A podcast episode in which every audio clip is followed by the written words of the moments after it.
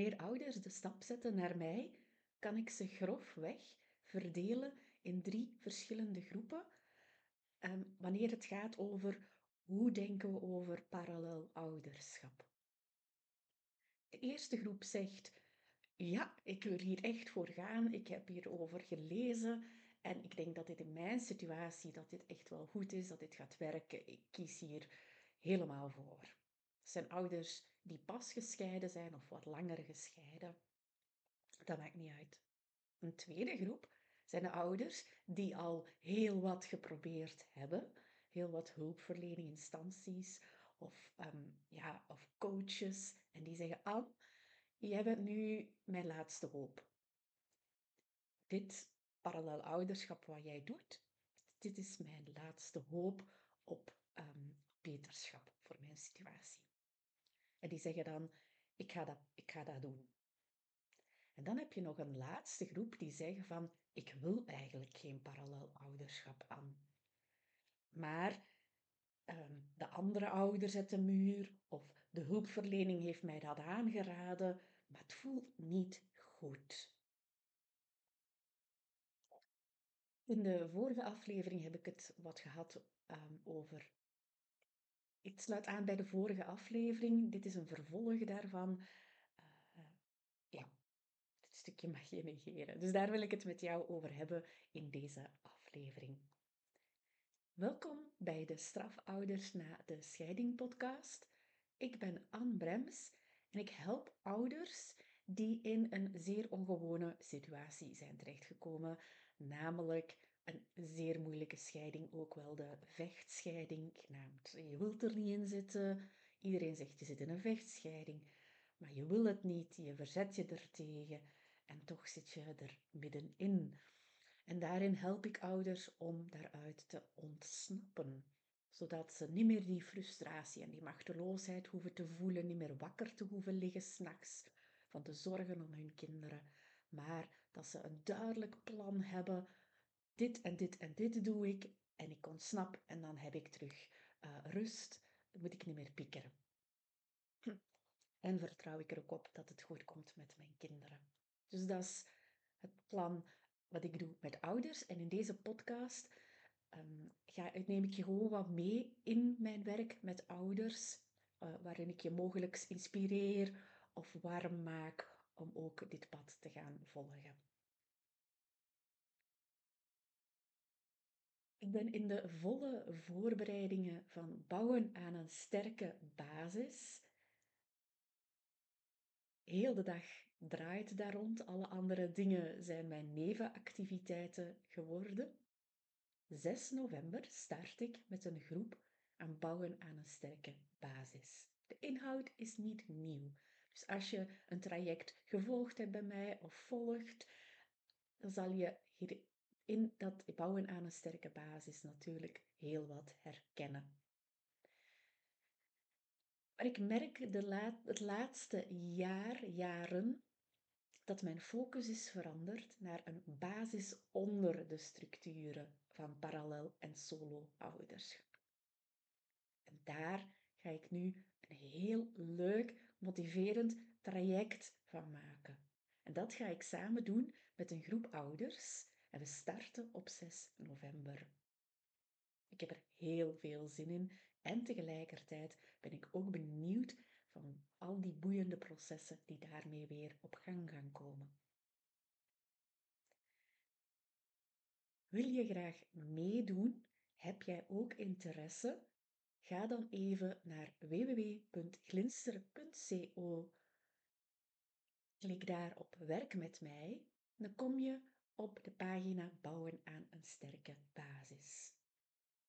Schrijf je daarin op de wachtlijst dus je laat jouw naam en jouw e-mailadres achter en dan houd ik jou vrijblijvend op de hoogte van de voorbereidingen, van het programma, hoe gaan we dat doen, wat is het resultaat als je deelneemt en zo, zoveel meer. Ik ga ook een aantal video's maken waarin ik al ouders ga meenemen op het pad dat ik daar straks schreef. Dus als je ook graag die video's wil ontvangen, Gewoon heel, heel vrijblijvend. Je hoeft niet in te stappen daarna in bouwen aan een sterke basis. Maar ik denk dat het, het ja, dat het ik weet dat het heel interessant gaat zijn de komende weken. En ik ga die mails alleen sturen naar de ouders die op die lijst zich aangemeld hebben. Oké, je wil, mogelijk beluister je deze aflevering uit nieuwsgierigheid, van wat heeft Anne daarover te vertellen? Mogelijk omdat je zelf ook in die situatie zit. Dat je zegt, ik wil geen parallel ouderschap. Ik kan daar heel veel over vertellen en ik help ouders daar dan in. En ik dacht, het is misschien de beste manier om een ouder zelf aan het woord te laten die dit heeft ervaren. Ik leerde deze ouder kennen. Dat moet ongeveer een klein jaar geweest zijn. Zij kreeg het advies van parallel ouderschap van de hulpverlening. Vader had haar opzij geschoven, wou niks meer met haar te maken hebben, betrok haar niet in de beslissingen rond de regeling, rond de kinderen. Een harde, harde muur, die voor haar heel pijnlijk was, omdat zij als moeder voelde, de invloed op mijn kinderen, dat vermindert daardoor. En dan zei de hulpverlening, jij moet ook aan parallel ouderschap doen. Of jij moet aan parallel ouderschap doen. En ze kregen daar een heel naar gevoel bij. De hulpverleners begonnen te werken met beide ouders en ze merkten dat de situatie erger en erger werd. Een heel slimme vrouw. Ze ging op zoek op internet natuurlijk naar adviezen, naar raad, naar informatie. En ze kwam zo bij mijn lezing terecht. Ze had die lezing gevolgd en ze is daarna gestart met een, uh, samenwerken met mij. En ik heb haar gevraagd om daarover, of dat zij daarover wou vertellen aan jullie. En um, zij heeft de volgende heeft zij geschreven. Ik had voor dit traject geen goede informatie over het nut van parallel ouderschap. Het werd aan mij uitgelegd vanuit een ander traject en ik dacht dat het niet zou werken voor mijn situatie. Ik dacht, het gaat mij niet lukken om rust te vinden. Ja, dan zegt ze, toen nam ik deel aan de lezing co-ouderschap onder hoogspanning en wat Anne zei, dat klopte meer voor mij. Na jarenlang 50-50 en overbelast zijn, heeft de andere ouder doorgezet dat de kinderen minder bij mij zijn. Ik zie ze dus elke weekend. Ik was het er niet mee eens met deze regeling, maar ik heb uiteindelijk toegestemd. Gaat er soms lastig aan toe in mijn gezin? Mijn zoon stelt lastig gedrag en het escaleerde vorig jaar waardoor ik uitgeput raakte als ouder. Met een burn-out. En ik communiceerde voor het traject van parallelouderschap vaak impulsief. En de andere ouder communiceert vaak vaag of helemaal niet.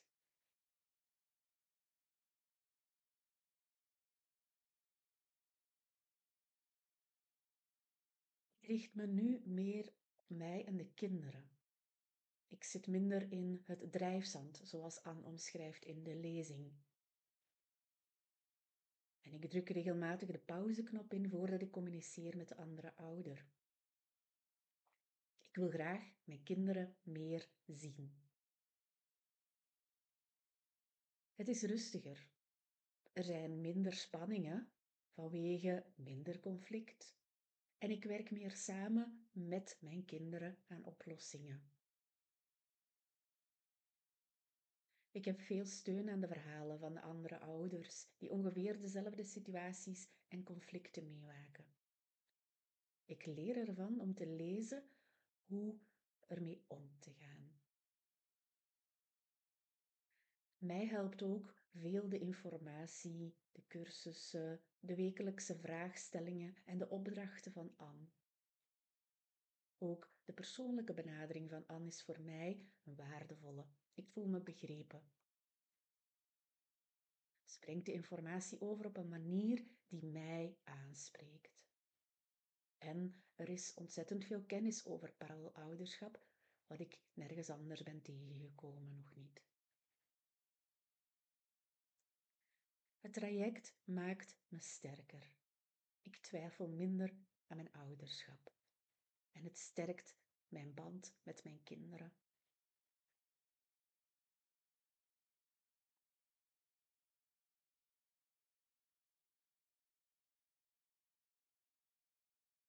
Volgende week. Ik heb hier de planning niet voor mij liggen. Volgende week, ik kan die er wel eventjes snel bij nemen, wil ik het met jou hebben over